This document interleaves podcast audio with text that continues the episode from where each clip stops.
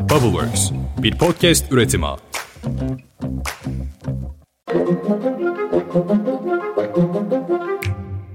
Bugün 14 Aralık 2022 ben Özlem Gürses. 5 dakikada dünya gündemine hoş geldiniz. Ne başındayız haftanın ne de sonunda. Bardak bugün dolu mu boş mu? Siz karar verin. Ben haberleri anlatmaya başlayayım.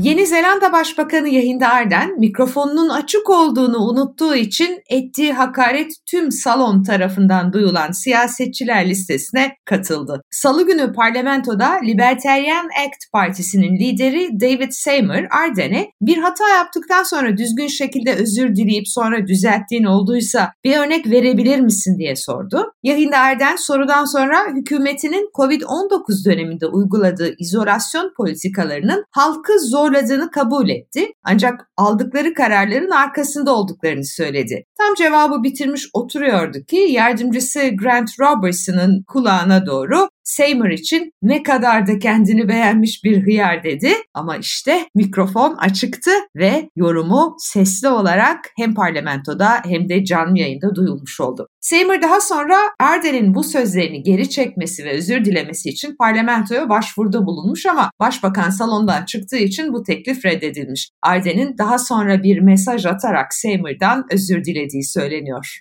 Ne diyelim? Geçmiş olsun diyelim. Peru'da devlet başkanı Pedro Castillo kongreyi dağıtma girişimi sebebiyle azledilmişti ve yerine Dina Boluarte göreve getirilmişti. Fakat Peru halkı genel seçime gidilmesini talep ediyor ve sokaklarda protesto eylemleri yapıyor. Protestolarda son 24 saatte bir havaalanını işgal ettiler. 5 kişi hayatını kaybetti. Eski devlet başkanı Castillo geçen hafta devlet televizyonuna çıkarak çoğunluğunu muhalefetin oluşturduğu kongreyi feshedeceğini söylemiş ve özel acil durum hükümeti kuracağım demişti. Aynı gün gözaltına alınmıştı tabii. Parlamento ise bu sözleri ciddiye bile almamış, hızlıca toplanmış ve Castillo'yu azletmişti. Rusya'nın Ukrayna'daki savaşı 10. ayına giriyor. Devlet Başkanı Vladimir Putin 10 yıldır ilk kez geleneksel yıl sonu basın toplantısını iptal etti. Sözcü Peskov Putin'in bu basın toplantısını neden iptal ettiğini açıklamadı. 2021'de Kremlin bu rutin toplantı için 500 gazeteci belirlemiş birçok yayım Covid-19 önlemleri bahane edilerek içeri alınmamıştı. Putin Aralık 2021'deki toplantıda Ukrayna'ya saldırmasıyla ilgili olarak bu bizim bizim seçeneğimiz değil bunu yapmak istemiyoruz demişti. İki ay sonra 24 Şubat 2022'de Ukrayna'ya saldırmıştı.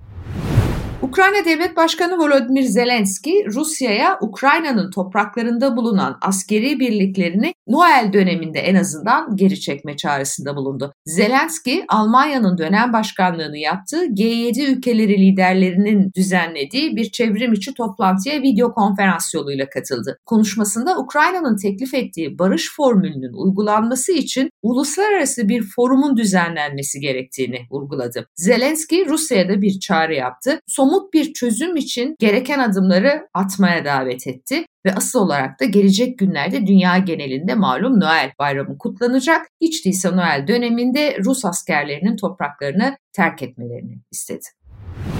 Birleşmiş Milletler Çocuklara Yardım Fonu UNICEF tarafından yayımlanan rapora göre Yemen'de 8 yıldır devam eden iç savaşta 377 bin kişi yaşamını kaybetmiş, en az 11 bin çocuk ölmüş ya da sakat kalmış. 2.2 milyon Yemenli çocuk da yetersiz beslenme ve aşı yokluğu nedeniyle kolera ya da kızamık gibi hastalıklardan hayatını kaybetme tehlikesiyle karşı karşıya. Bu çocukların yarım milyondan fazlası 0-5 yaş aralığında. Hollanda'nın ilk Türk kökenli belediye başkanı Huri Şahin yemin ederek resmen görevine başladı. Ailesi Adanalı Huri Şahin'in Hollanda'nın Deventer kentinde doğmuş 47 yaşında Rijswijk kentine belediye başkanı olarak atandı. Atandı diyorum çünkü Hollanda'da belediye başkanları iş başvurusu yaparak üzerine bir de prosedürler uygulanarak kral tarafından seçiliyor. Enteresan değil mi? Şahin'in kariyerinde belediye meclis üyeliği, belediye encümen üyeliği, çocuk hakları derneği başkanlığı ve Hollanda Danıştayı Başkan Yardımcısı sekreterliği gibi farklı görevler de var. Çin, Covid salgını döneminde tek tek vatandaşlarının hareketlerini takip etmesini sağlayan cep telefonu uygulamasını nihayet kapatacağını açıkladı. Ülkenin tamamında 3 yıldır kullanılıyor bu uygulama ve Çin'de insanların günlük yaşamlarını kontrol eden birçok izleme uygulamasından aslına bakarsanız sadece biri. Halen farklı kentler ya da bölgelerde kamu binaları ve diğer bazı kamusal alanlara girebilmek için yine böyle benzer yerel uygulamaları kullanmak gerekiyor. O nedenle aslında alınan bu karar insanların yaşamında çok da büyük bir değişiklik yaratmayacak gibi. Yeni Zelanda'dan enteresan bir karar. Yeni Zelanda parlamentosu yeni neslin sigara alışkanlığını tamamen engellemek amacıyla 14 yaşın altında olanların şimdiden itibaren sigara almasını yasal olarak tamamen yasaklayacak bir yasayı geçirdi. Yeni Zelanda Sağlık Bakanı Yardımcısı Ayesha Veral yasayla ilgili binlerce insan daha uzun daha sağlıklı hayatlar geçirecek ve sağlık sisteminin üzerinden sigara tüketimine bağlı hastalıkların tedavisi için harcanan 5 milyar dolarlık bir yük de kalkacak dedi. Bu tabii acayip bir rakam. Yani sigaraya bağlı hastalıklar için 5 milyar dolar gerçekten ciddi bir bütçeymiş. Yeni sistem 1 Ocak 2019 ve sonrasında doğan hiç kimseye sigara satılmamasını aslında sağlıyor. Yeni Zelanda'nın amacı ülkedeki sigara kullanımını 2025 yılına kadar önce %95 oranında azaltmak ve zamanla da tamamen ortadan kaldırmak. Valla devrim niteliğinde enteresan bir kararmış bu. 4 yıl önce oğlu Craig'i kaybeden şarkıcı Tina Turner, geçtiğimiz günlerde diğer oğlu 62 yaşındaki Ronnie Turner'ı da kaybetti. Los Angeles Adli Tıp Kurumu Ronnie Turner'ın kolon kanserine bağlı komplikasyonlardan hayatını kaybettiğini açıklamış. 83 yaşındaki Tina Turner ise sosyal medyasından Ronnie dünyayı erken terk ettin, keder içindeyim ve gözlerimi kapatıp seni düşünüyorum oğlum paylaşımını yapmış. Tina Turner'ın diğer oğlu Craig Raymond Turner da 2018 yılında intihar etmişti ne yazık ki. Turner oğlunun küllerini Kaliforniya sahilinden denize atmış ve bu seremoniyi sosyal medyasından paylaşarak 59 yaşındaydın ama her zaman benim bebeğim olacaksın notunu yazmıştı.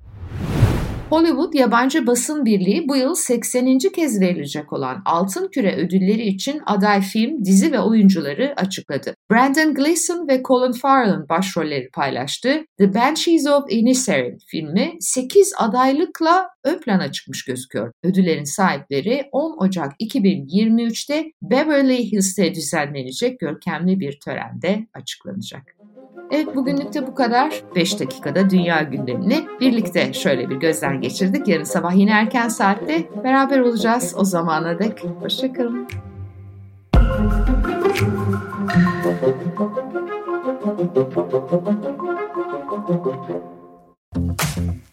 Bubbleworks bir podcast üretimi.